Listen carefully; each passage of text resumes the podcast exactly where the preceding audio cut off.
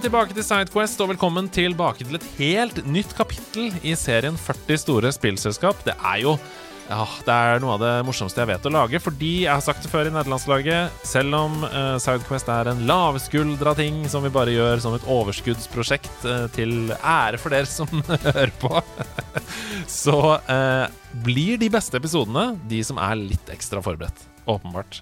Og når vi skal snakke om et spillselskap, ja, da må man skrive seg gjennom det spillselskapets historie. Og det er ikke noe lite spillselskap som jeg har skrevet meg gjennom historien til i dag. Det er et av eh, verdens største, og kanskje det blir et av verdens største. Eh, eller det aller, aller største. Det vet vi ikke enda. Det får vi se. Det skal vi snakke litt om seinere. Til å dissekere Blizzard har jeg fått med meg Erling Rostog. Velkommen. Takk, takk. Tilbake? Velkommen tilbake. Ja, eh, deilig å være her igjen. Eh, og Blizzard, Ja. det er store deler av barndommen min. Ah, det er fantastisk. Ja. For hver gang jeg eh, spør en gjest om eh, dette, så sender jeg jo bare en liste som vi har over store spillselskap, og så sier jeg eh, velg det ut fra denne lista, og du var ganske rask på å ta uh, Blizzard. Uh, fortell, hva er liksom Blizzard for deg? Hva er, hva, for å sette standarden her. Ja, nei, det er jo For meg så er det spillselskapet som viste meg en verden bortenfor Super Nintendoen, egentlig. Eh, og, og med bortenfor Super Nintendoen så mener jeg jo ikke bare bortenfor liksom hele Nintendos katalog, for den er ganske svær. Men jeg hadde jo kanskje tilgang på liksom maks tre nye spill i året. Og da var i hvert fall to av de lånt av en venn, liksom. Altså, det var langt mellom spilla, de var dyre. Og man hadde liksom ett spill som man bare spilte om og om, og om igjen i et helt år. Enten fordi det var vanskelig, eller fordi det var veldig gøy. Uh, eller begge deler. og mens Blizzard er på en måte min første vei ut av uh, eh, TV-stua og inn på en PC. Og da skal vi komme nærmere inn på spillet og sånn, men da først og fremst da Warcraft 2, da, som var på en måte den første, mitt første møte med det. Og så i ettertid, i hvert fall fram til for en del år tilbake, Ja. så, så var liksom Blizzard det var sånn kvalitetsstempel. Langt mellom hvert spill. Aldri ræva. Alltid kult, alltid spennende. Nye Blizzard-spill gikk vi på ungdomsskolen og venta på i to år og sånn. Mm. Ikke sant? Og, og fikk helt sånn Benneren omtrent, hvis vi så en plakat på, eh, på, på Space World eller Ja, noe sånt. ja, ja. Så det var, eh, det, det var en veldig sånn magisk logo i mange, mange år. Ja, og det var jo noe av filosofien bak selskapet også. At eh, hvis det ikke Hvis spillet de jobba med, ikke levde opp til kvalitetsstandarden som vi hadde, så bare tanka de det. De Ja. bare slutta utviklingen, uh, selv om de hadde investert fem år i det. Og det skal vi snakke litt mer om seinere. Men jeg tror vi bare begynner, jeg. Uh, dette er jo, som dere vet, litt som et foredrag, der hvor Erling kommer hoppende inn underveis, og vi går gjennom spillhistorien. Og Blizzard Entertainment ble altså grunnlagt av Michael Morham, Alan Adam og Frank Pierce under et helt annet navn i februar 1991. Etter at de alle tre hadde møttes på og gått ut fra University of California da, med bachelor året før. Hvor er du i 1991? Bare for å sette det. uh, Da er jeg ni år gammel. ja. Ja. Så du sitter og koser deg med Da, Turtles in Time kommer snart. ja, Det eh, er kommet på Arkade. ja, da, er jeg vel, da er jeg vel på Link to the Past, da. Kanskje. Åh!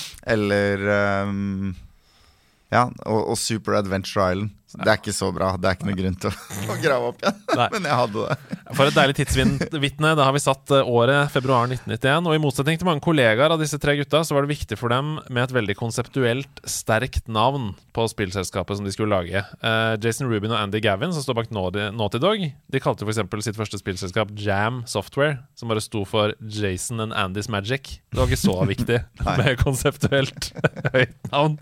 Men sånn skulle ikke Frank, Alan og Michael ha det, selv om det kunne ha blitt Fam Software. Eh, Frank, Allen og, og Michael. Men det ble det ikke. De gikk for navnet Silicon and Synapse. Uh, og Silicon det skulle representere hovedbyggesteinen i en datamaskin, mens Synapse skulle da representere hovedbyggesteinen i hjernen. Uh, og for å finansiere det selskapet her, så bidro hver av dem med rundt 10 000 dollar. Og dette her, det er så weird for meg. Fordi eh, jeg regna om 10 1990 dollar til 2022 dollar. Det er ca. 23 000 dollar i dag. Eh, og så kan du tenke at pengene går ca. tre ganger så langt da i USA som i Norge. Både på lønnsnivå, men også på hva du kan bruke det på. Ja. Eh, så det vil være ca. 600 000 da, norske kroner. Ut av egen lomme. Hvem er det som har 600 000 liggende og slenge når de er 24 år og ferdig på universitetet? Hvem er det som har det? Men uh, .com-boble, kanskje? Ja, det må være et At eller annet sånt. eh, var, liksom fikk ridd på en eller annen bølge Ja, der? de har tatt noe Ja. jobber ved siden av studiet eller et eller annet. Ja. Den som i hvert fall ikke hadde det, var Mike Morham. For han lånte summen rentefritt av sin egen bestemor. Ja, men best, noen bestemødre har horda hele livet. Men det er jo ja. også helt vilt. Ja, ja, ja. Bestemor hadde 600 000 liggende og slenge, liksom. Eller 10 000 1990 dollar, da. Eh, som, ja, eh, oversatt. Jeg bare syns det var fascinerende. 24 Mm. år og bare Ja, 600 K eh, på bordet. Da har du trua, i hvert fall. Ja, det har du trua. Mm. Eh, og det virker jo egentlig ikke som de hadde råd til å ta så stor risiko som de tok da, økonomisk. Fordi i løpet av de to første årene så fokuserte Silicon Synapse kun på å gjøre ports for andre studioer. Mm. Altså spill som de visste at var en suksess. Porte det til en annen konsoll eller, eller PC, sånn at uh, det kom til å selge der også. Og det var annet eh, The Lord of the Rings, volum 1. Og så var det Battle Chess 2, Chinese Chess, som de var noen av de første spillene de porta, de tre. Det var ikke før i 1993 det tok fullstendig av, med to titler som forandra alt for uh, Silicon and Synapse. Og Det første det kom til Snes 29. april, og det het The Lost Vikings.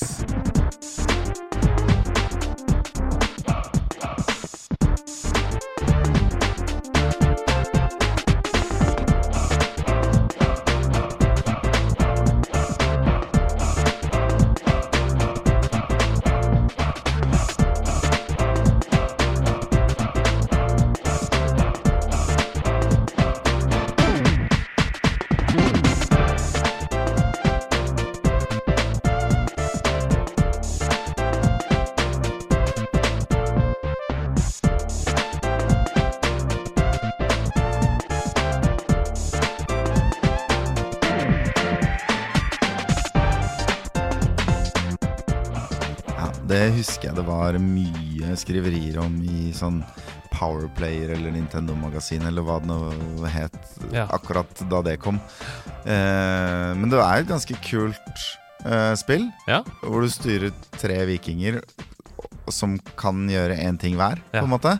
Og hvis jeg skal sammenligne med et moderne spill, så er det jo Trine. Er jo helt åpenbart Helt det samme spillet. Åpenbart. Du har Olaf uh, the Stout, mm. Baylog the Fierce og Mm. Eric the Swift. Ja. Og i navnet på vikingene sier Ja. også hva de kan. The Stout har et skjold, Ja. ikke sant? The Swift.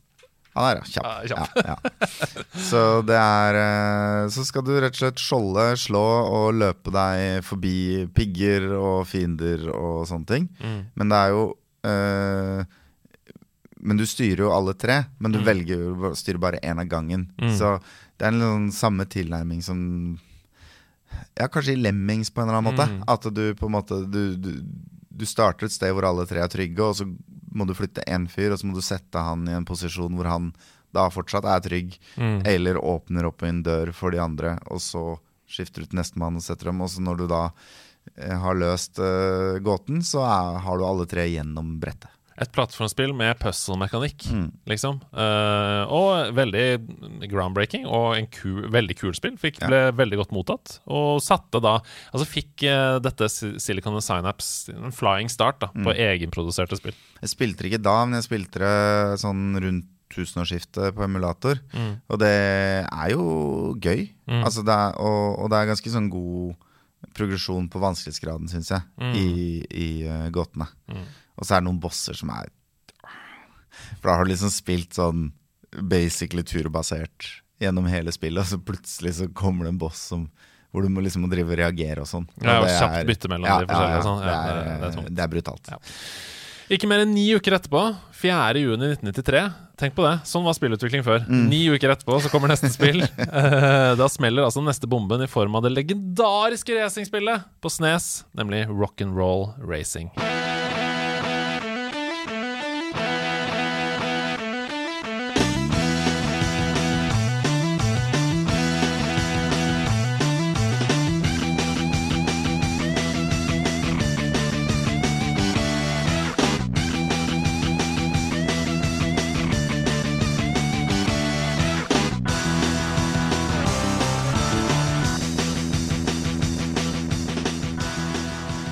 Var så fett, det. Det var så fett, det. Det var så utrolig fett. da har de basically, hva skal vi kalle det, adbusta eller chip-bitifisert fire kjente rockelåter. Mhm. Blant annet Black Sabbaths eh, Paranoid, som de går på random rotation, tror jeg, hver gang du starter et brett. Så det var jo et høydepunkt, syns jeg, da Par når Paranoid kom. Det var liksom den kuleste av de.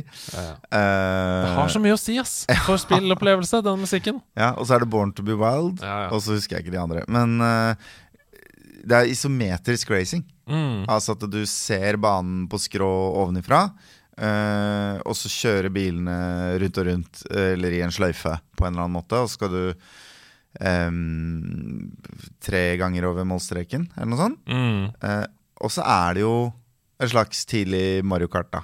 Det Absolutt. er eh, rakettkastere, eh, miner, eh, pigger og glatt olje og alt mulig sånt som du kan da legge ut.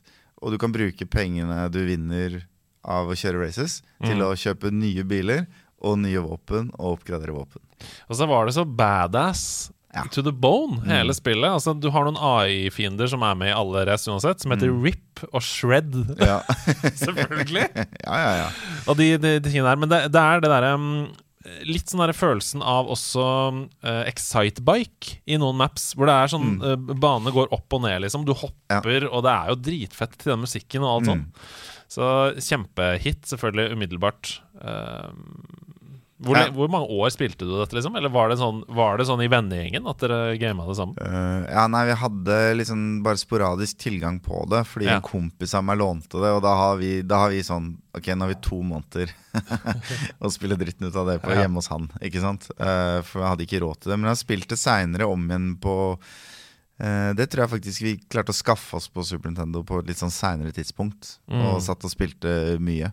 Eh, og jeg spilte ganske mye på emulator. Og det er jo eh, Det var det spillet som fikk meg til å bestemme meg for at hvis du kan bruke penger på å oppgradere bilen din, og bilen din også har våpen, så er det et bra spill.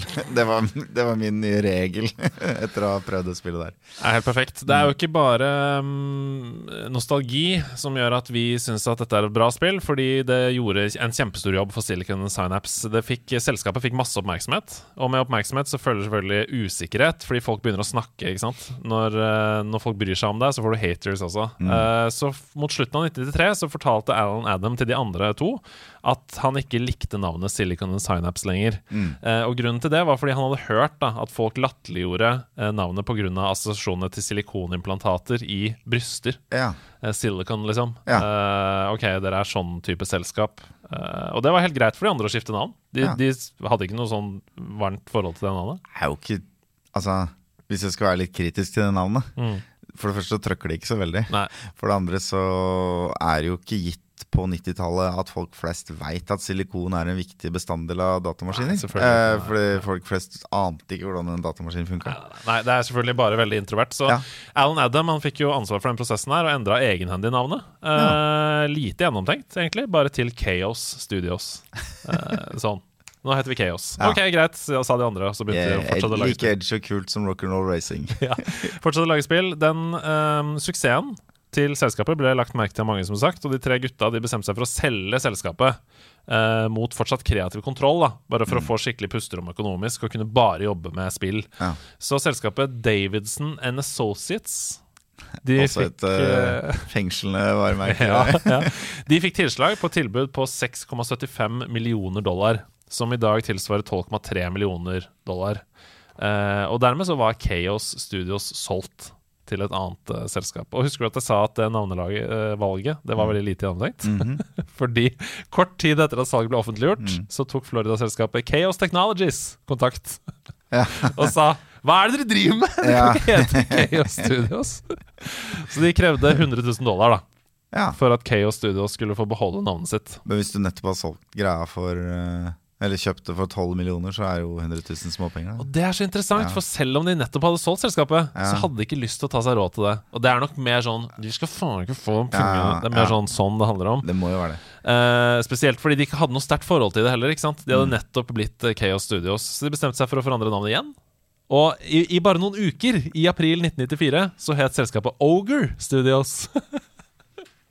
Men hva er det da Nå ble jeg usikker. Har, har det noe med Nei, glem det. Nei, de, Jeg bare fikk en assosiasjon til Ogre Battle. ja, ja, nei, de, de, i bare Dette var bare noen uker Ja. i april. Eh, Davidson and Associates, de nye eierne, de hata nemlig Ogre Studios eh, og tvang da gutta til å endre det på nytt. Og nå var de liksom desperate. Nå hadde de gjort tre navneendringer på veldig kort tid. eh, og veldig lei av å holde på med den prosessen. Så de ville bare lage spill. De, de orka ikke å stå i det administrerende helvetet her, liksom. Så ifølge Mike Morham da, så satt de tre sammen inne på et kontor, reiv seg i håret, og i sånn desperasjon så tok Alan Adam fram en ordbok, en engelsk ordbok, og begynte å lese opp ord. Og så stoppa de tre da ved ord i ordboka som alle tre syntes var interessante. Så skrev de de ordene ned på en liste, og så sendte de lista over til juridisk avdeling. For å sjekke om det var noen andre selskaper som het det ordet. Eller om ordet hadde noen andre juridiske komplikasjoner. da Ja.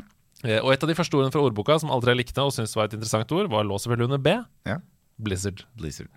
Uh, Der snakker du jo et ord som er litt uh, hardt og tydelig og lett å huske, og egentlig har alt det som det første navnet som mangla, Nettopp. Nettopp. Og det er jo helt utrolig at de ramla over det så tilfeldig. Men uh, det besto selvfølgelig den juridiske sjekken internt uh, i avdelingen. Og vips så het Ogre Studios Blizzard Entertainment i mai 1994. Resten er åpenbart historie. Um, for bare seks måneder etter dette, den 15. november 1994, så slipper Blizzard realtime strategy-spillet Warcraft, Orcs and Humans. Yes.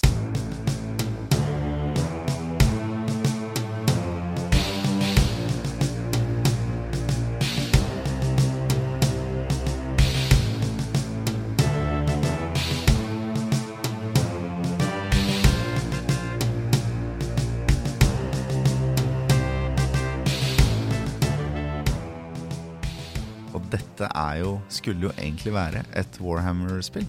Ja! De hadde Jeg er litt usikker på hvorfor det ikke blei det, men jeg tror de hadde opprinnelig lisensen på Warhammer. Mm. Og skulle liksom lage et spill i Warhammer-universet, da. Men det er klart, hadde de fullført den ideen, så hadde det jo blitt noe helt annet. For der er det jo masse law og masse regler for hva som er hva og sånn. Mm. Og så blei det isteden bare et helt nytt univers, som var Warcraft. Og nå har ikke jeg spilt Warcraft 1 så mye, det er, men det var jo banebrytende RTS, altså uh, strategispill. Så- Hadde det ikke vært for dette, Ja. så hadde vi ikke hatt Command and Conquer, uh, f.eks. for eksempel. Så det, det, det, ja, det var helt Mm. utrolig viktig. Uh, men, men det har ikke tolv tidens tann Nei, det har det ikke. Det har det For det jeg vil bare si da, er at Warcraft 2, som på en måte jeg ble frelst på, Mhm. eh, det har jo én funksjon som Warcraft 1 ikke har, som Mm. er ekstremt viktig, og det er høyreklikk. Eh,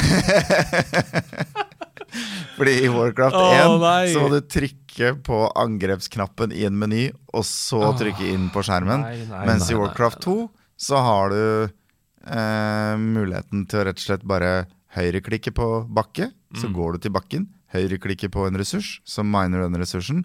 Høyreklikker på en fiende, så angriper du den fienden. Og det er så jo helt en avgjørende. Altså, dette er helt Ja. avgjørende for alle RTS-spill å ha den funksjonen. Det er helt ubrukelig å skulle prøve å styre det på en annen måte. Altså, Ja. virkelig.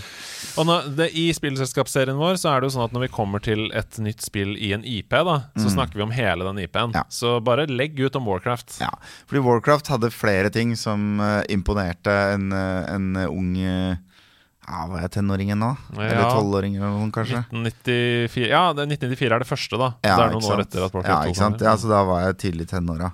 Og, øh, og da var det jo på en måte Det var orker som var kule. Det var booklet med utrolig forseggjort uh, liksom, uh, illustrasjoner. Altså Allerede i Warcraft 1 Det er jo helt sånn striking art på Mm. Ja. Mm. coveret, med de to som står Orcs and Humans, da, som står mot hverandre med den røde, liksom skrikende bakgrunnen. Og det står jo ute i inni, hylla. inni bookletene så er det masse sånne superdetaljerte uh, svart-hvitt-tegninger. Mm. eh, som er helt nydelige, liksom, og som viser eh, Som i mitt hode har klart å skape en bilde av et større univers Mm. utover de pikslene jeg faktisk så på skjermen. Og som var med å definere mitt syn på hva en ork var i mange år. Men Mm. så viser, skjønte jeg etter hvert at det er jo forskjellige måter å tenke ork på. Jeg har sett gamle illustrasjoner av Ringenes herre som jo er helt annerledes, Mm. på en måte. Men, Men eh, det, det satte virkelig tonen for hvordan liksom high fantasy-universer skulle se ut. da Og jeg må bare etablere dette Mm. kjapt, fordi det er ikke så lett å uh, huske. Men vi må huske at dette var en helt annen tid. Mm. Um, og denne kunsten er litt tapt, og uh, med vilje oversett, fordi uh, du snakka om det, det var litt tilfeldig hva vi endte opp med å spille i, i forrige episode av Sidequest, Mm. Ja. da du snakka om Karania. Um, hvor mye av salget var ikke at man gikk inn i en butikk og så noe man syntes så kult ut, Ja. og kjøpte det? Mm. Det var så avgjørende, og spesielt foreldre som skulle kjøpe til barna sine og sånn. Eh, cover hadde ekstremt mye å si. Mm. Og det er Eh, så mye misvisende covere der ute. ja, ja, ja, ja, ja. Altså, måten jeg fikk, eh, ble musikkinteressert, var at jeg gikk på Rygge bibliotek og tok de tre eh, kuleste coverne jeg så, og det Ja. definerte hele min musikksmak. Ja. Eh, og det, sånn var det før. Og det må vi huske, at det er en grunn til at coveret var så mye kulere før, og det var fordi de skulle fange oppmerksomhet i butikk. Ikke sant? Og i bookleten så sto det også masse law, historie. Etter hvert så til Warcraft 2 så kom det en expansion eh, som liksom som het Beyond the Dark Portal. Hvor på en måte menneskene drar inn i orkeverdenen, der alle trærne sopper og det er masse weird ass shit. Men, Og da også introduserte de en masse eh, helter. Så det var også banebrytende. Da plutselig inn i RTS-sjangeren så fikk du super-units da som hadde egen voice-kommando spilt inn og sånn. Og så var det litt som vi snakka om i forrige episode med Turtles in Time, at det var en lekenhet i det. De hadde lagt inn mer enn de måtte. Så alle charactersene i hele spillet er sånn at hvis du klikker på de mange ganger, så kommer det nye sånne soundbites, eh, ting de sier. Slutt å klikke så jævlig på meg, eller, eh, eller eh, hvis de er en stoisk personlighet, er en ridder, så, så, så kjører de på med mm, et eller annet selvhøytidelig piss om hvor eh, stolte de er å være riddere. Og hvis du klikker mange ganger på sauene, så eksploderer de. Og liksom masse sånn der eh, som ikke er viktig, men som er med på å krydre hele greia. da Og dette kom jo over i Warcraft 3 også. Ja. Absolutt. Og jeg var jo Eh, veldig, veldig veldig inne i låren Ja. da Warcraft 3 kom. ja. Det må jeg bare si. Og, og, men der tar det på en måte en vending, da. Mm. Det er jo der Warcraft-universet, sånn som mange kanskje kjenner det fra World of Warcraft, som vi snakker litt om seinere, blir etablert. Mm. For det er klart det er veldig svart-hvitt i Warcraft 2, og det er en del retconning ute og går her. Mm. Men de har liksom klart å sy det sammen på en måte sånn at eh, eh, mens det i Warcraft 1 og 2 er liksom slemme orker mot snille mennesker, Mm. så er det i Warcraft 3 så forteller de historien om uh, en orkerase som basically er eh, underkasta av demoner, Mm. og, som, og som egentlig bare vil uh, leve i fred og, og ha et sted å høre hjemme. Da. Mm. Uh, som jo også snudde helt, helt opp ned på, på hele, hele verden min. Men jeg var, jeg var så fortapt i det universet. Altså. Ja, det jeg. elska det greiene.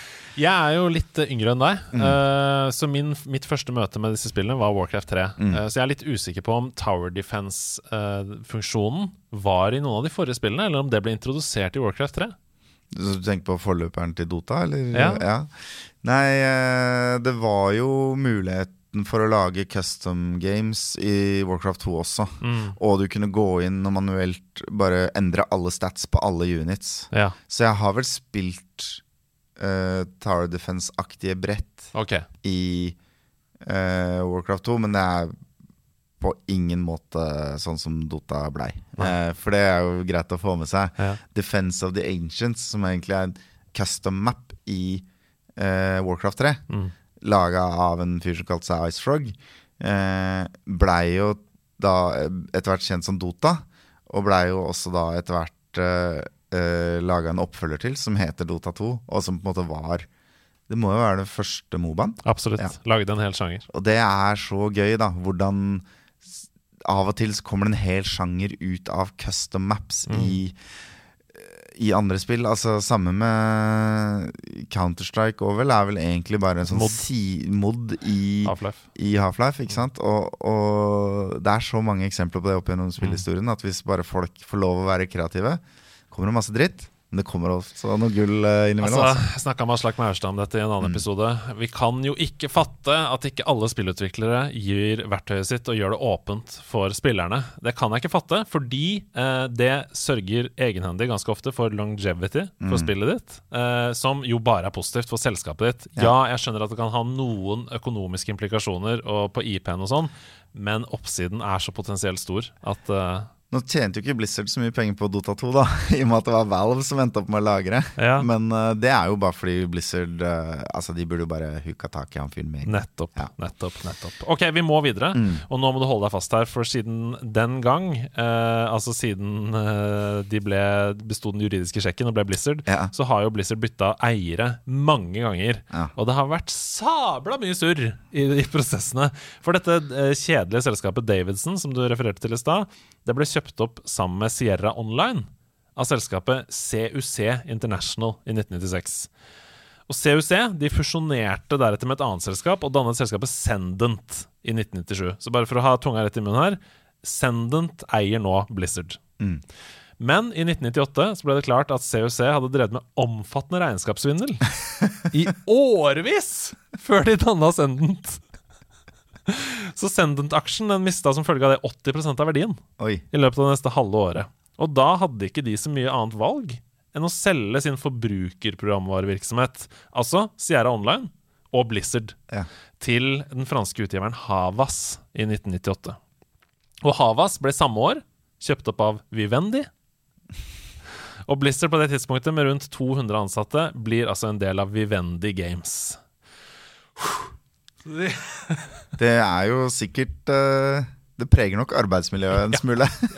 Ja, ja. Masse eiere og masse surr, men vi stopper litt der, og så spoler vi tilbake til 1996. Ja. Uh, for i 1996 så kjøper Blizzard Entertainment Condor Games. Condor Games de hadde jobbet med et actionrollespill for Blizzard på den tiden.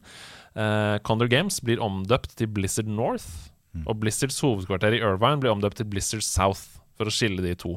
Eh, og det var tydelig at Blizzard visste at de hadde noe her. Uh, for i 1997 så kommer da Condor Games-spillet som de har jobba med, og som egenhendig lager en ny sjanger, eller i hvert fall definerer den, mm.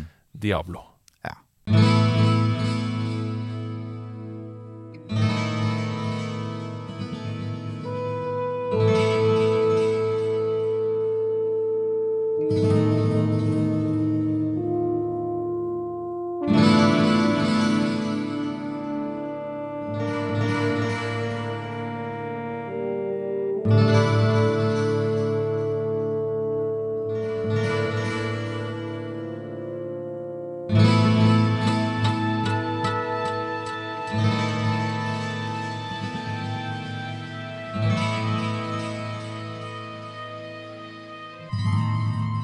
Helt ny sjanger er det vel ikke, for du har jo sånn som Ultima og sånn fra før av. Men Diablo husker jeg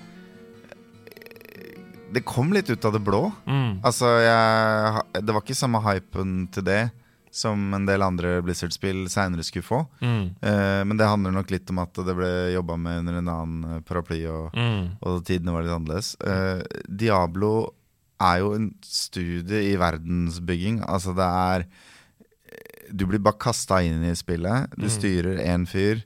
Uh, å, altså, sånn sett beslekta med RTS-sjangeren, bare at det er én person. Mm. Um, og du er i en liten by som heter Tristram, og musikken er så stemningsfull. Og det er altså så absurd dystert. Det er så mørkt, ja, det universet der. Ja. Og, og, hele konseptet er at en, en, åpning til helvete har åpna seg i kirken i den lille byen. Ja. Og resultatet av det at erkebiskopen Lasarus i byen har lurt hele landsbyen inn i en eller annen felle og bare slept Demoner har slept hylende landsbyboere ned i helvete og drept alle sammen. Og det er sånn fem folk igjen i landsbyen. Og det er de fem som kan selge deg noe, liksom. Det er bare for at du skal ha vendors. En hub, liksom. Ja, ja, ja. Mm. Og, så, og, Diablo er jo dritsvært, mm. men samtidig bitte lite. Fordi absolutt absolutt alt i hele spillet foregår i ett høl rett ned i bakken. Mm. Men det er jo da først eh, masse katakomber under en kirke. Deretter et eller annet eh, Nå husker jeg ikke i farta, men sånn eh, steinete hulelandskap. Og så er det liksom faktisk helvete, Mm. eh, bokstavelig talt. Før du da kommer ned og møter ondskapen bak det hele. Diablo, lord of terror. Mm. Og han skal du drepe. Og bare for å si det, det spillet der er vanskelig. Ja, det er vanskelig. Og bare for å sette det, så er det jo et action-RPG, dungeon crawler-spill. Mm. Sånn at eh, hvis du Altså, jeg har et inntrykk av at mange har hørt om Diablo, Mm. men det er mange som ikke har noe forhold til spillet. De bare vet det som kulturell referanse, liksom. Ja, det kan være. Så det er veldig viktig å påpeke at um, Og jeg mener også at dette har holdt seg. Uh, hvis du plukker opp Ja. Diablo, det, så kan du kose deg med det nå. Så hvis du har et forhold til f.eks. Hades, Ja. eh, så tror jeg du også kan ha det gøy med Diablo. Fordi den derre lut-greia, Mm. den eh, trigger noe eh, i mange. Lut-greia trigger noe, men i Diablo 1 så er det langt For det første så er det litt tilfeldig om du får bra nok lut til å bli sterk nok. Så du kan havne i situasjoner hvor du blir veldig hardt straffa. Så er det vel også sånn at hvis du dør, så må du ned og hente liket ditt for å ikke miste absolutt alt du eier og har. Eh, og så er det utrolig viktig, tror jeg, for nye spillere å forstå at det er tre klasser. Mm. Men det Jeg har ikke tenkt over det før, men jeg er sikker på at det er egentlig tre vanskelighetsgrader. Ja. Fordi det er ekstremt mye lettere å være eh, kriger og tåle litt, enn å være mage. Fordi som mage så er det ikke sånn at du får EXP og leveler opp. Du er avhengig av å finne bøker som gir deg spells, og de random dropper. så det å finne en ny spellbok er liksom eh, halleluja. Ja. Du kan spille ganske langt uten å finne det, og hvis ikke du finner de riktige spellsene, så har du heller ikke liksom fete våpen. Altså, da sliter du veldig mot fiender. Og så er det også en boss spesielt, da, som du møter veldig veldig tidlig i det spillet, som heter The Butcher. Og han er liksom sånn Han kjøtter deg i hjel på to slag og er helt ubrukelig. Så vår måte å ta ham på, det var alltid å bare håpe på at det random-genererte brettet, som var etasjen hans, også hadde et rom med gitter. Mm. Eh, eller sånn fengselsbars, liksom. Fordi da kunne du løpe fra The Butcher, eh, og så kunne du lukke døra eh, inn i en fengselscelle, så kunne du stå på innsiden av fengselscella, så kunne du pepre han med piler, for han klarer ikke å åpne døra. Ah. Og det var eneste måten å faktisk drepe Deilig. den Absurde absurd sånne- knallharde bossen på. Elsker Liksom. sånne cheese tactics som det der. Altså. Masse av det. Jeg husker også vi oppdaga en teknikk som vi kalte for duping. Mm. Som var at hvis du eh, Hvis du Du har på en måte en, et større inventory, men du har også et lite inventory som består av eh, flasker, altså healing potions og sånn, som på en måte alltid er synlig i en, i en eh, i kontrollpanel nederst. Og hvis du uh, legger noe verdifullt på bakken, og så går du bort til så, så går du litt unna, og så høyreklikker du på den gjenstanden. Så går karakteren din bort for å plukke den opp. Og hvis du akkurat idet han plukker den opp, plukker opp en av de potionene ut av taskbaren, så blir den potionen til en kopi av den gjenstanden. Da har du to av den gjenstanden. Oh. Det er bare å komme seg til Auction House i Diablo 3. For eh, og, da, og det er sånn man uh, juksa seg til enten masse penger Ja. eller uh, spellbooks. Ja. Fordi det holder jo ikke å finne en spellbook, du må jo finne en til for å få level 2 av. Ja, Så ja. det. Ok, la oss hoppe litt fram i Diablo-historien. Ja, for vi må innom Diablo 2 Absolutt. og 3 også. Ja, Og ikke minst forventningene til Diablo 4. Så vi må snakke mer om Diablo, men vi må hoppe framover. Nei, men Diablo 2 var jo på en måte en, en, eh, et løft på alle mulige måter. Mm. Eh, og så merka vi det ikke da, men det var jo Mens Diablo 1 er først og fremst rollespill, deretter lut, så ble Diablo 2 ble på en måte renvaska den lut-greia Mm. veldig. Og så må jeg bare si at Diablo 2, da det kom, så hadde det noen eh, videosekvenser som slo alle fullstendig i bakken. Mm. Og jeg husker spesielt at det er en sånn scene i første scenen i spillet hvor, hvor du liksom zoomer inn på skjeggstubbene til en fyr. Og det kan dere le av nå, kjære lyttere, men det, det var så banebrytende fet grafikk Mm. på den tida. Ja, Jeg hadde aldri sett noe lignende i det- hele mitt liv. Det var jo på en måte en slags um, ja, start oppstartfase for hvor viktig dette ble for Blizzard. Du Mm. ser jo hvor polerte, f.eks. hvis vi hopper til Overwatch, da. Uh, Backstoryene Honor and Glory med Reinhardt, f.eks. Mm. Det er jo animasjonsfilmer på linje med Pixar. Og det samme gjelder The Litch King Expansion Mm. uh, fra WoW. Det var sånn Folk ble gale, liksom. Det er bare Mm. sånn Hva? Dette er ekte. Ja, ja, ja. Eh, på en måte Og de, de dedikerte så mye kjærlighet ned i de eh, områdene av spillene. Da. Jeg har som- spilt gjennom masse av de gamle spillene. Jeg har spilt med ganske mye dårlig gameplay. Nå er ikke Diablo et eksempel på dårlig gameplay, men jeg har spilt gjennom masse dårlig gameplay bare for å komme til sånne videosekvenser. Mm. Ja, ja. Fordi det fantes ingenting som så så fett ut noe sted. Og det er jo et ledd i det vi snakka om med booklet og sånn. Det handler om Ja. gjennomføring og en Mm. kjærlighet for universene de opererer i. da Hvilke forventninger har du til Diablo 4? Eh, kjapt også innom Diablo 3 sin Ja. megafailure med Auction House, som de heldigvis endra på. Som de heldigvis endra på, fordi de, de på en måte undergravde jo sitt eget loot-system. Men det jeg vil si er at Diablo 3 var et kjempefett spill, og det er fortsatt en veldig sånn avhengighetsskapende greie å starte på en ny sesong og gå sammen med en eller to kompiser gjennom masse greier, og, og det er et bra spill, men hvis jeg skal være kritisk til Diablo-serien, hvor den har utvikla seg, så vil jeg si at det er egentlig nesten ingenting som skiller Diablo 3 fra et klikkerspill. Altså alle Adventure Capitalist, på en måte. Wow, det er shots fired. Vi må få en liten. Shots ja. Nei, men hvis du Første gang gjennomspilling, ok, fett, fett spill, kul story osv. Men etter hvert, da, sånn, selv om du starter på en ny sesong og du gjør det på høy vanskelighetsgrad, og sånn så blir du så rutinert, og du kan liksom minmakse gearet ditt, og du, du tar på deg fete ting, og så bare så er du bare en bulldoser som bare blæster deg gjennom tonnevis med kropper og skjeletter, og det er egentlig er liksom all skill av combaten er bare fjerna. Så skillen ligger i liksom å regne prosentbonuser i inventory. Ja, men det er litt send, det òg, da. Det er litt send, men det er Det begynner å nærme seg et klikkerspill, da, men bare med fet grafikk. Og så er det på en måte luten og belønninga som skiller seg ut, og som er det du chaser. Og det er det jeg er litt redd for da når vi kommer til Diablo 4. At de, de har jo nå innsett hva det er som er avhengighetsskapende, og det er nettopp den delen. Og at de tar det så langt Ja, at de på en måte skjønner- fjerner seg fra et kult spill og en kul story. Jeg skjønner veldig godt hva du mener. Og Diablo 3 også begynner jo storyen å bli litt sånn smørt utover, for da har vi drept Diablo for tredje gang. Ja, Hvordan og- skal de recovere fra det her, liksom? Og Diablo Immortal kan vi ikke snakke om engang. For det er en vederstyggelighet som vi har gått ut her og mener at bør forbys. Så vi kan ikke snakke om det. Eh, men hvis, hvis, vi, hvis noe med Diablo 4 er hva vi har i vente Ja. eh, basert på Diablo Immortal, Ja, da ser det stygt ut for den serien. Det, det gjør det, dessverre. Etter Diablo så forlater en rekke nøkkelansatte Blizzard North. Uh, får nye jobber. Føler de har gjort det de kan i selskapet, rett og slett. Uh, Vivendi tar derfor beslutningen i august 2005 om å flytte alle ansatte fra Blizzard South til hovedkvarteret Blizzard North. Og så dropper de navnet Blizzard South. Mm. Det forsvinner uh, etter dette. Og så ser Blizzard da at Warcraft 2, Tides of Darkness, var en kjempeidé, rett og slett. Som vi snakka om i stad, og ønsket å utforske om de kunne flytte den sjangeren ut i andre universer. Eh, de begynner utviklingen av et RTS med science fiction-tema. Døper det Starcraft og gir det ut i mars 1998.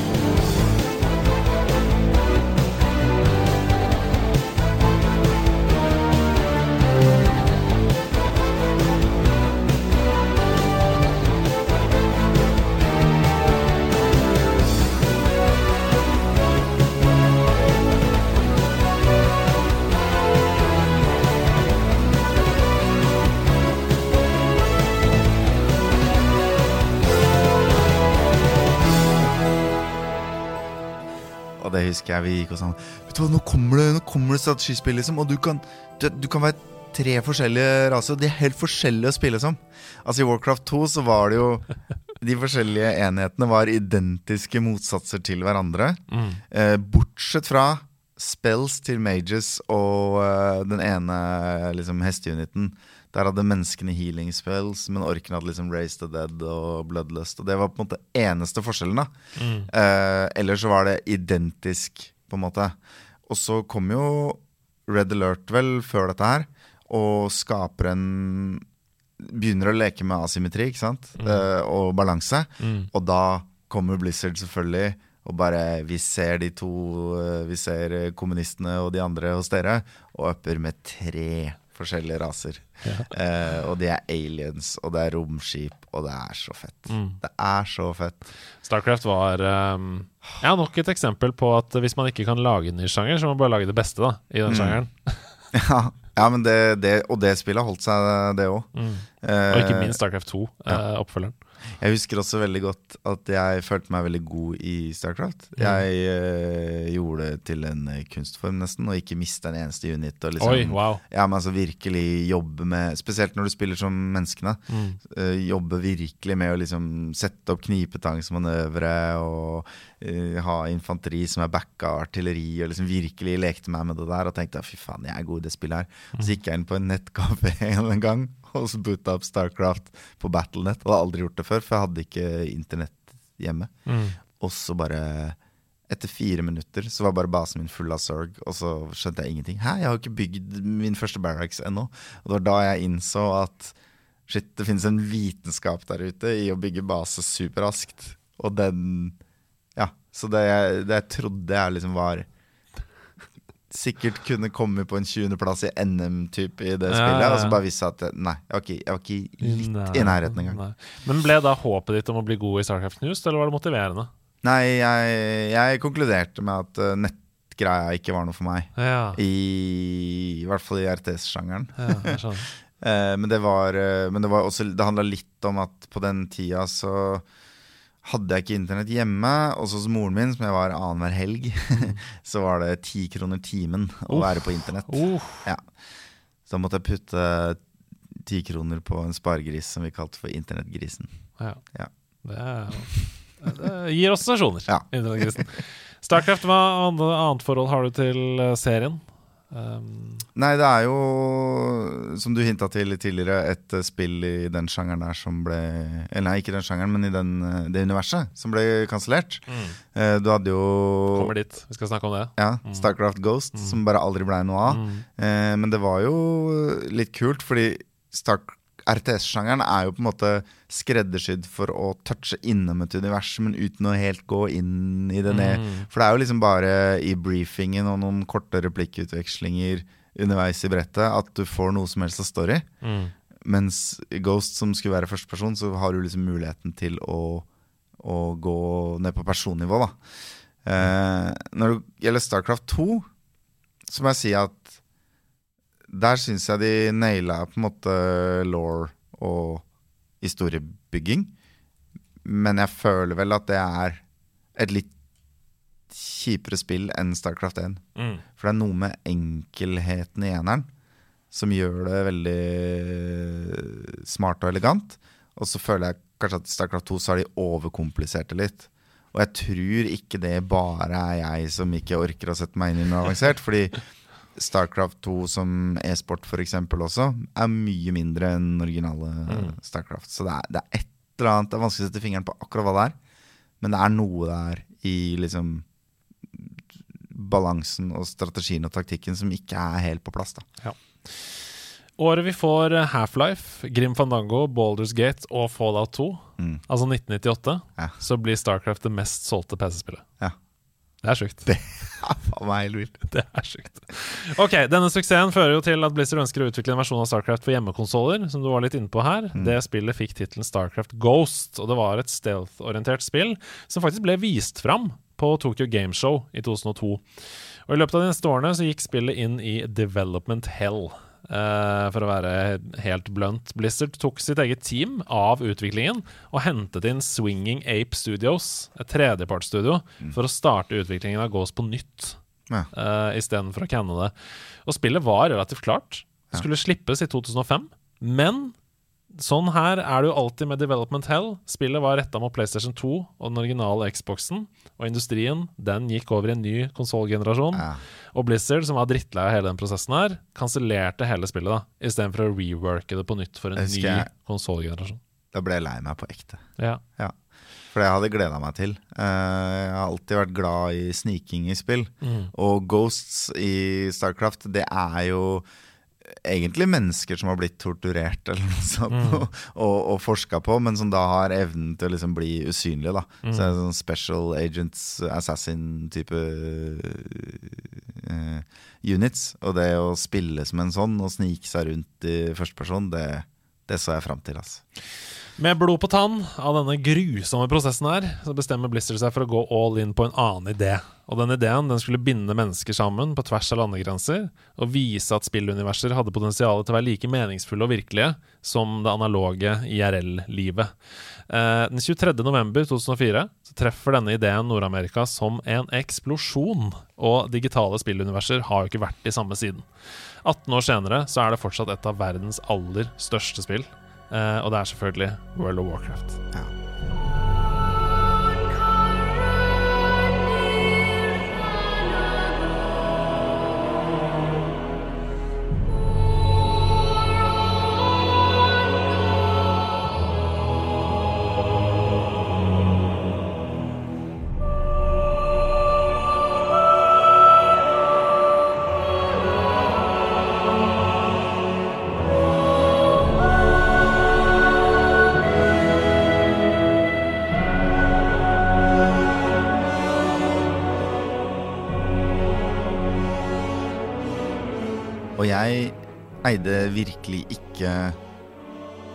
Visjonene til Blizzard her. Jeg, jeg så ikke hva det var de var i ferd med å lage. Men jeg så at det kom et nytt spill i Warcraft-Lauren, som jeg elsker!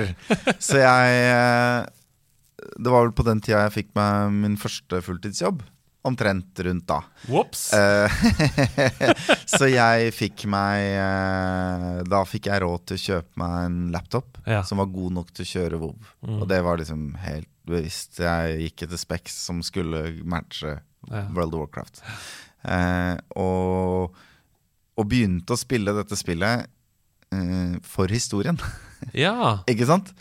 Fordi jeg elska historien, jeg elska backstoryen. Jeg var Ja. keen på å høre åssen det gikk med Durotan og, og, eh, og Arthur, så vet man jo åssen det gikk med, men altså, liksom, jeg, var, jeg ville grave meg inn i det greiene der. Og, så jeg, og jeg skjønte ikke hva en MMO var, så jeg, gikk, jeg snakka med alle MPC-ene, liksom, Ja. og leste alt de hadde å si, skjønner du? ja. Fordi jeg bare Dette er verdensbyggende, det er så interessant. Og det gjorde at jeg fikk en ganske sånn treg gjennomgang av det spillet. Så husker jeg spilte med en kompis etterpå som liksom hadde skjønt greia og hadde kommet til level 40 eller noe sånt med fire forskjellige karakterer. Og så skulle vi spille sammen, og så ble jeg så frustrert, for han bare løp inn, og så bare klikka han på alle MPC-ene. Plapp, plapp, plapp. Og så var vi gjennom, og så fikk ikke jeg mulighet til å lese alt det interessante de hadde å si. Og så bare løp han videre. Og da på en måte var spillet redusert til um, ikoner på et kart og en radar og liksom utropstegns og checkpoints, men liksom alt, alt fordypende var bare borte, da. Det er bare grind og gameplay. Ja, ikke sant? Um, og det husker jeg at jeg ikke likte. Ja. Og så spilte jeg det en stund og hadde det ganske gøy med det. Og så kom jeg til eh, level 30 eller 35 eller noe sånt. Og da var det litt sånn Det er et sånn, litt sånn dødområde, og det er da du begynner å møte folk fra den andre eh, Altså fra alliansen hvis du har horde, eller motsatt. da Mm. og, og da plutselig opplevde jeg å liksom bli ganka på åpent lende, eller sånn, så innså jeg da at nå må jeg bli med et guild, Mm. og så må jeg Men ikke sant, jeg hadde en kompis som drev og leda raids og sånn, og han var litt sånn Ja, hvor aktiv er du? da?» Og, ikke sant? Det var, Mm, det var mm. krav til ting. Ja, ja. Og det er egentlig den samme følelsen som Starcraft, da, nok en gang. Ja. Du kommer online og bare fuck this! Ja. Det er en verden der ute, liksom. Jo, men da var jeg gira. Men jeg innså at for å kunne gjøre det på en måte Og da hadde jo allerede storyene begynt å poppe opp i media om folk som Mm. hadde ødelagt livet sitt på å spille WoW og sånn, så jeg skjønte at her må jeg enten gå all in og satse masse tid på det, Mm. eller så må jeg slutte å spille. Ja. Fordi det er ikke gøy å gjøre mellomtingen. Nei. Det var kjedelig. Ja, det, det er Og da avinstallerte jeg spillet. Uh, det tror jeg var smart. Ja. Men du har ikke spilt det siden? Du har ikke spilt Eh, Classic? Du har ikke spilt noen Jo, jeg testa det for et par år sia. Ja. uh, og var liksom innom. Og, men igjen eh, Jeg er avhengig av å være i en situasjon hvor jeg har en gjeng, ja, og hvor jeg har muligheten til å møte den gjengen ofte nok. absolutt. Og kanskje at vi har omtrent samme pacing. Mm. Ikke sant? For det er også litt sånn dritt. Jeg har spilt en del um, MMO-er eller online-spill, sånn Destiny for eksempel, og sånn. Mm. Det er kjempegøy så lenge alle spiller omtrent like mye. Yes, helt enig. Men hvis du kommer på, og så har kompisene dine spilt dobbelt så mye som deg siden sist, og alle er høyere level enn deg, og så bare løper de foran mens du liksom løper etter og plukker opp lute, så er du ikke med å spille lenger. Du er ikke Mm. med på utfordringene. Det er ikke De bare drar deg gjennom. ja, og da er det ikke moro.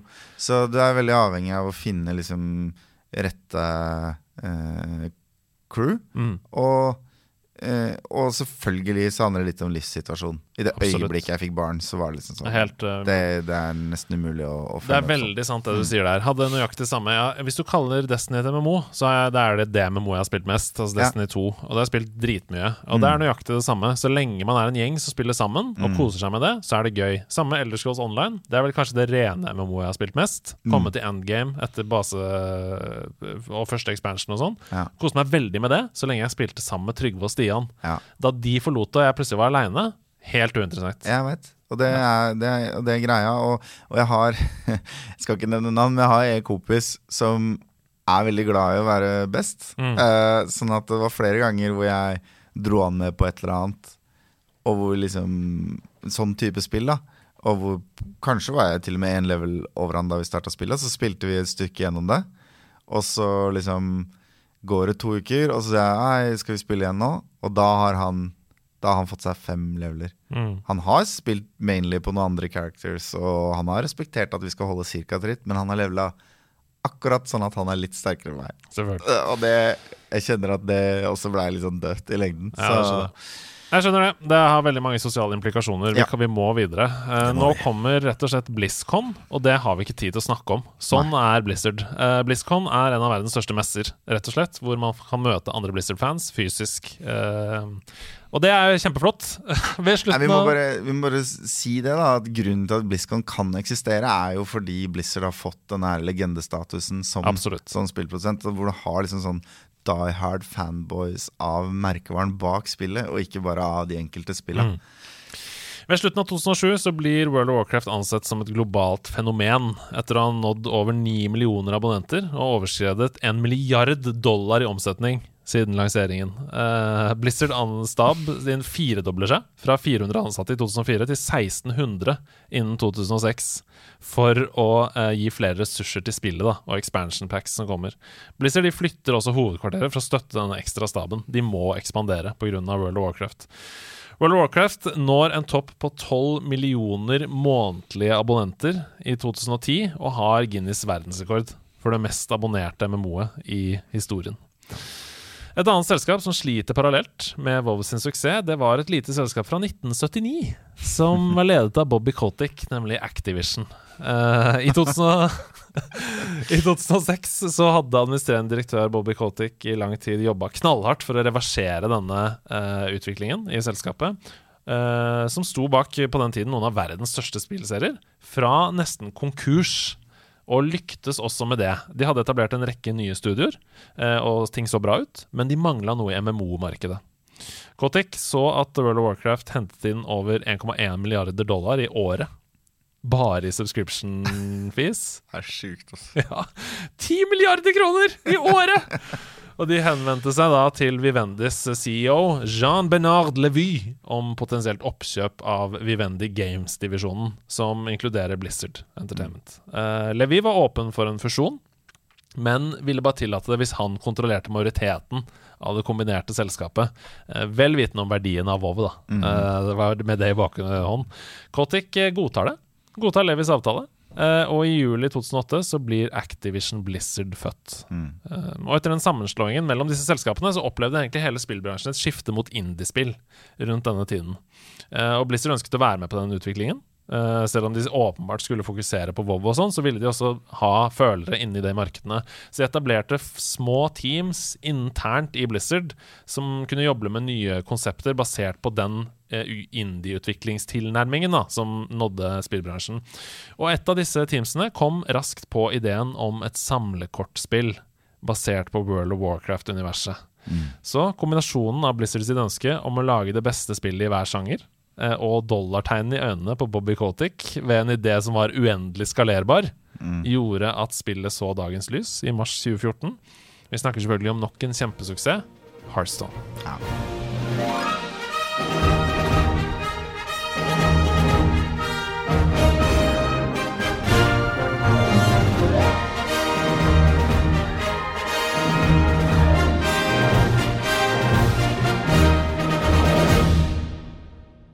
Det også kasta jeg meg over da det kom. Holy crap!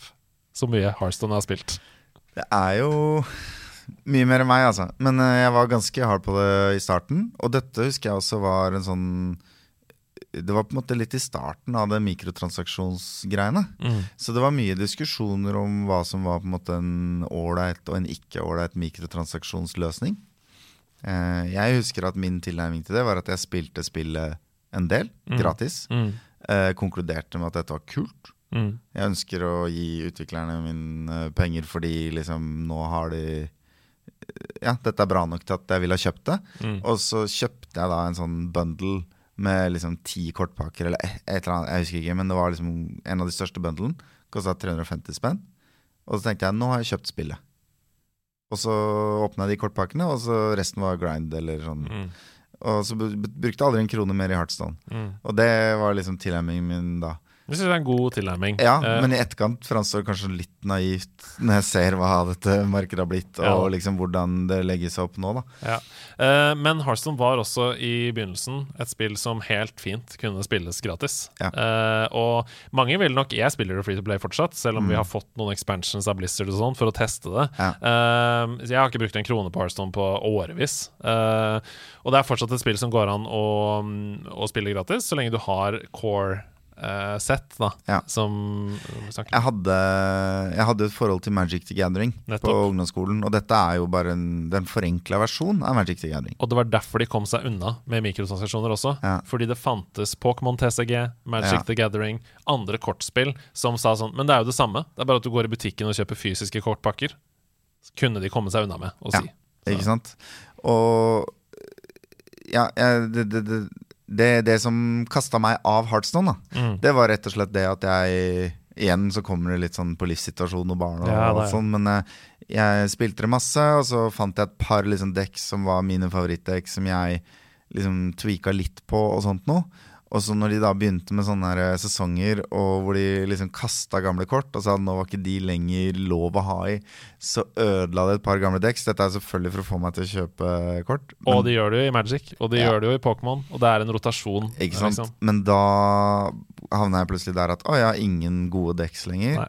Og jeg har ikke tid og ork til å sette meg inn i å lage nye. Og det var da jeg falt av spillet. Og det er nok eh, er et veldig bra spill. Det er nok manges historie med Hearthstone. Mm. Eh, Men det er et kjempebra spill, og, og det at Lauren er så sterk i hele universet, gjør jo at man blir helt sugd inn i det. Og følelsen av å åpne kortpakker var jo helt magisk. Du, altså, du fant ikke noe tilsvarende. eh, Den derre De animasjonene der, altså.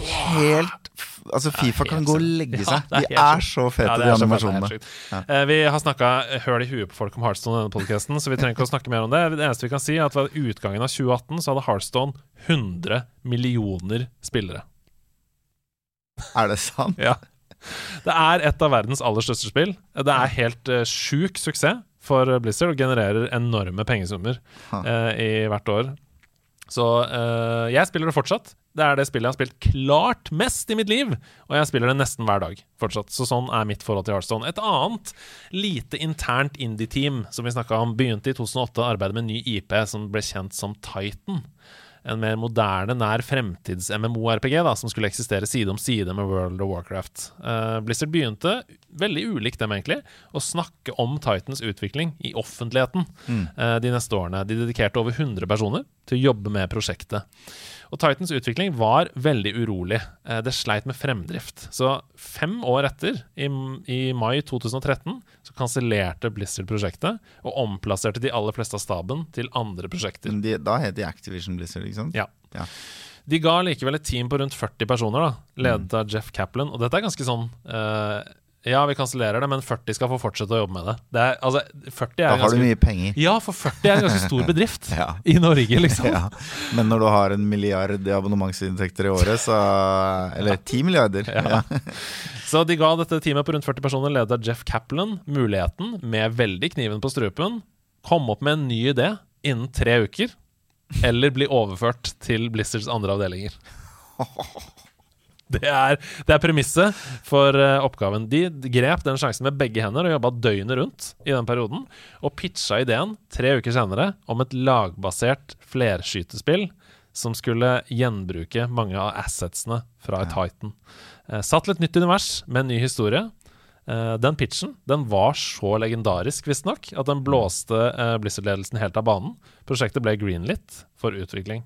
Og bare tre år etter at Titan ble kansellert, i mai 2016, så så spillet jeg har brukt nest flest timer på i mitt liv, dagens lys, nemlig Overwatch. Ja. Victory is ours, my friends! Hi, Lena. Brigita? Oh my gosh, you've grown! oh, everyone, This is May. Hi, everyone. Nice to meet you. Reinhardt. Good to have you on board. Thank you. Monsieur, does this mean Overwatch is back? yes. Yes, we are.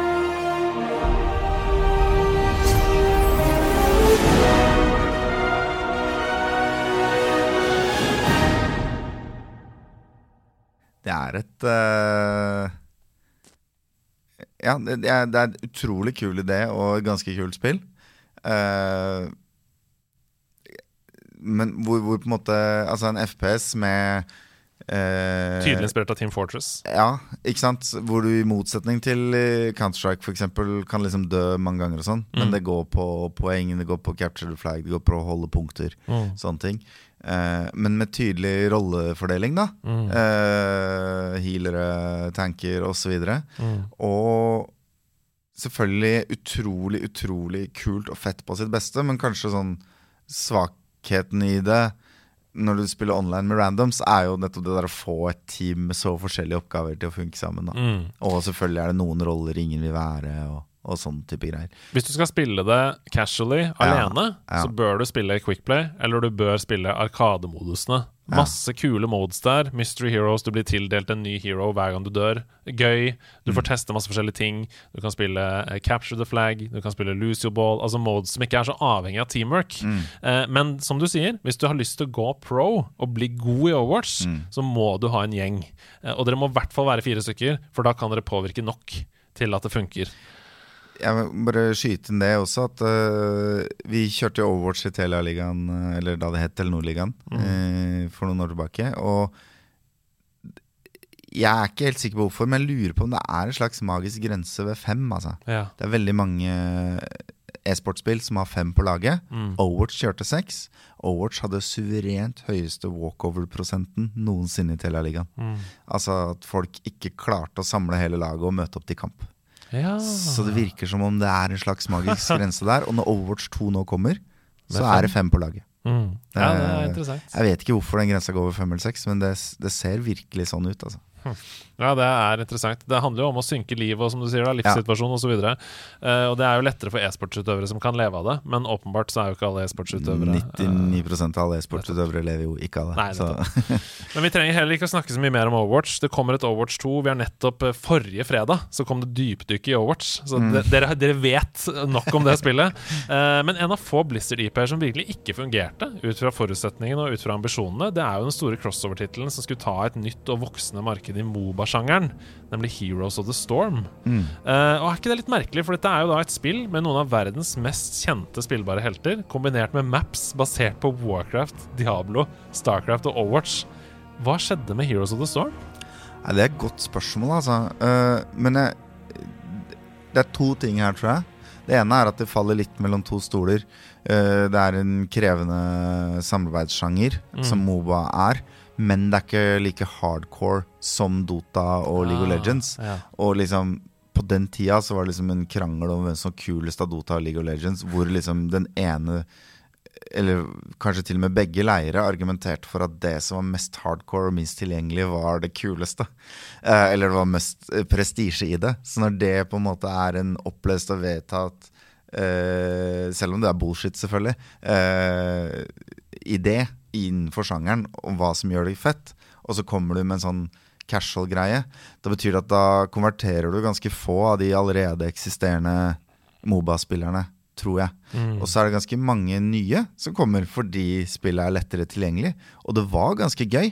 Men så kommer Blizzard igjen, da.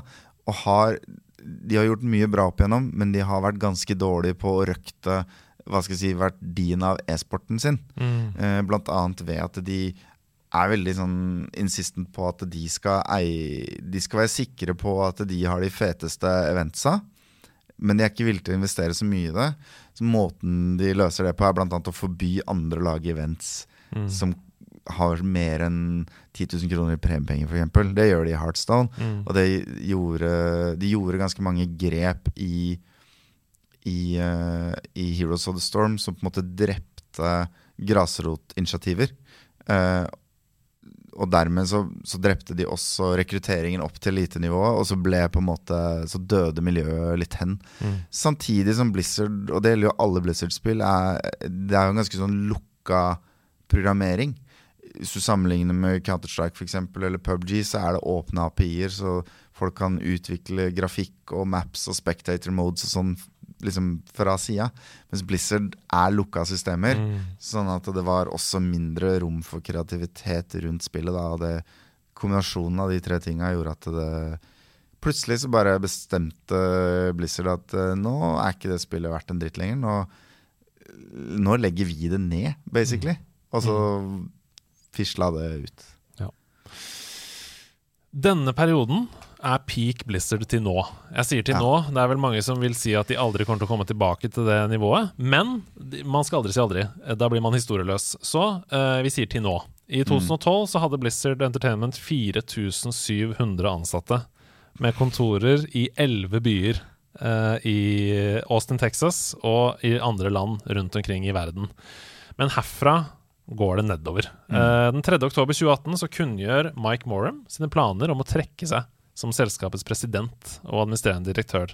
Han slutter da formelt 7.4.2019, og med dette vil vel mange si at en sammenhengende nedtur begynner. Eh, Frank Pierce kunngjør bare to måneder etter, 19.07.2019, at han også går av. Eh, og med det så er jo bare én av de tre opprinnelige grunnleggerne, eh, Alan Adam, igjen i Blizzard. Michael Chu, hovedskribent, forfatter på mange av Blizzards IP-er, eh, inkludert Diablo, Warcraft og Overwatch, forlater også selskapet etter 20 år i mars 2020. Og i juli 2021 så smeller det. Uh, Activision Blizzard blir saksøkt av California Department of Fair Employment and Housing i et søksmål som hevder at ledelsen i Blizzard så vel som Activision da, i flere år har fremmet en fratboy-atmosfære som tillater og oppmuntrer seksuell mishandling mot kvinnelige ansatte og diskriminering i ansettelsespraksis. Ja, det husker jeg Altså, det overrasker ingen at det finnes store multinasjonale firmaer med dårlig eh, ansattkultur, holdt jeg på å si. Men det som var egentlig helt sjokkerende, var at i, i landet USA, hvor på en måte Som har bygd seg en politikk eller en, et arbeidsliv basert på at uh, næringsliv skal ha så frie tøyler som mulig, så var det altså så ille at på en måte staten grep inn. Ja. Da er det jævlig ekstremt, altså. Ja, da er det For de de varsler. griper ikke inn på McDonald's, liksom. De griper ikke inn på Amazon. De, det er så mange, mye dritt de ikke tar tak i, og da tenker jeg det her Dette er i en klasse for seg. Og I kjølvannet av disse hendelsene her så mister en rekke mennesker jobben. Uh, Jen O'Neill blir tilbudt en CEO-stilling sammen med Mike Ybarra, og blir da første kvinne i en lederrolle i Blizzard.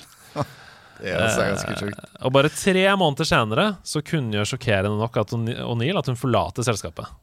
Etter å ha blitt, sitat, 'tokenized, marginalized and discriminated against'. Eh, Det viser seg senere at Jen eh, ikke ble tilbudt samme lønn som sin mannlige eh, medleder Mike Uberra, eh, før etter at hun sa opp. Da fikk hun et nytt kontraktstilbud eh, om lik lønn, da. og da var det for seint. Det er jo helt dust. Mm. Altså, én ting er den der eh, innebygde biasen som fins på at liksom det er mange små tilfeller av dårligere betalte kvinner rundt omkring, på, men liksom på sjefsnivå også. Mm. Da, da er det jo en bevisst handling. Hvor det er Der sitter jo ledelsen og helt på ekte sitter styret og tenker ut sjøl hva skal denne personen ha i lønn. Liksom. Og da er de, det er et bevisst valg, liksom. Hun skal ha mindre. Som et resultat da, av California-søksmålet, støy og problemer med nye spill, så sank jo Blizzard-aksjene som en ambolt på børsen, åpenbart. Og vår venn Bill Gates tenkte 'buy the dip'! Det var det han tenkte, rett og slett. Og så muligheten for Microsoft til å bli det største spillselskapet i verden. Ja. I januar 2022 så kunngjør Microsoft sin intensjon om å kjøpe Activision Blizzard og dets datterselskaper for 68,7 milliarder dollar. Det er alle pengene i verden. Eh, avtalen forventes da å avsluttes i midten av 2023. Det er jo fortsatt masse ting det må gjennom og sånn for at det skal kunne godkjennes, monopol osv., loven i USA, eh, som er veldig streng på dette fordi det frie markedet står så sterkt. Sant? Så hvis dette går gjennom, så vil altså Activision Blizzard forbli et eget selskap i Microsoft Gaming-divisjonen i 2023. Hvor går veien videre? Altså Det er jo kanskje litt sånn reduksjonistisk å gi liksom skylda for alt som er dårlig på en antagonist. Men du ser noen tegn til at etter at Bobby Kotick kommer inn, da, at det er sikkert mye som er dritt og som de har ordna sjøl, men det er på en måte etter at han kommer inn, at de f.eks. begynner å snakke om Titan før utviklinga er på plass. Og, og grunnen til det er at Bobby Kotick svarer til et styre eh, og noen eiere, og de bryr seg om aksjekursen. Og hvorfor går du ut og prater om framtidige prosjekter som du ikke er sikker på? Jo, det er for å pumpe opp aksjekursen, øke verdien for eierne. Så det er, det er på en måte det første lille tegnet på at fokus er et annet sted enn det har vært tidligere. Og hvis vi kan få skilt Blizzard fra et, en sånn type styre, da, som på en måte hele tida tenker aksjekurs, eh, tenker monetisering og Selvfølgelig skal de drive business i Microsoft, og de kommer ikke til å gå bort fra mikrotransaksjoner bare fordi de er Microsoft, men kanskje de klarer å identifisere at det har en verdi for deres egen merkevare, og ikke til enhver tid fremstå som de mest rovdrivende folka i bransjen. Og da kan vi kanskje komme tilbake til der at, at Blizzard igjen leverer kvalitetsspill. Da. Men de må jo skaffe seg en ny forfatter på hele universet sitt. De må fortsatt uh, komme opp med noen nye gode ideer, så dette kommer på ingen måte til å gå seg sjøl. Men nå har de muligheten til å ta det valget, da. For første gang på veldig, veldig lenge. Da må vi jo krysse fingra. Og Jeff Kaplan har slutta, altså Overwatch-bakmannen. Det, er- det er utfordringer Altså, de må bygge det opp fra starten av. Så den eneste grunnen til at det skulle bli bra og nytt, er jo fordi alle kjenner til hva de har vært. Og det, og det kan være et argument i seg sjøl for å prøve å sikte på det igjen. Da. Og jeg er helt enig i det du sier der. Microsoft er på en roll. GamePass er fantastisk, det er forbrukervennlig. Det er som Apple Arcade. Det handler ikke om eh, mikrotransaksjoner. Det handler om gode spillopplevelser som er consumer-friendly pga. abonnementstjenesten, som kanskje dreper bransjen, litt som Spotify. Men tross alt, for oss eh, brukere, så er vi veldig happy med det. Um, hvis Blizzard Jeg stiller meg 100% bak det du sier. Hvis man kan få frie tøyler til å drite litt i aksjekurs for én fuckings gang, og bare lage gode, gjennomførte spillopplevelser der uh, cutscenes og law-bygging og karakterbygging er like viktig som gameplay og monetization, så tror jeg vi er på riktig vei. Men det gjenstår å se. Ja, og det kan også hende at de prøver på alle de riktige tinga bare ikke får det til òg. Ikke sant? Så det er, eh, det er sikkert under 50% sjanse for at det går. Men de har i hvert fall et ideal inni sitt eget firma som ikke alle andre har. For å sitere Dum og dummere So you're saying there's a chance? Ja. Tusen, tusen takk for at du ville gå gjennom hele Blizzards historie med meg. Det var fantastisk. ja, jeg lærte masse òg. Ja, Så bra. Håper du som lytter lærte også. Vi er tilbake neste fredag Vi er med enda en ny Sidequest, som alltid. God helg. Vi snakkes.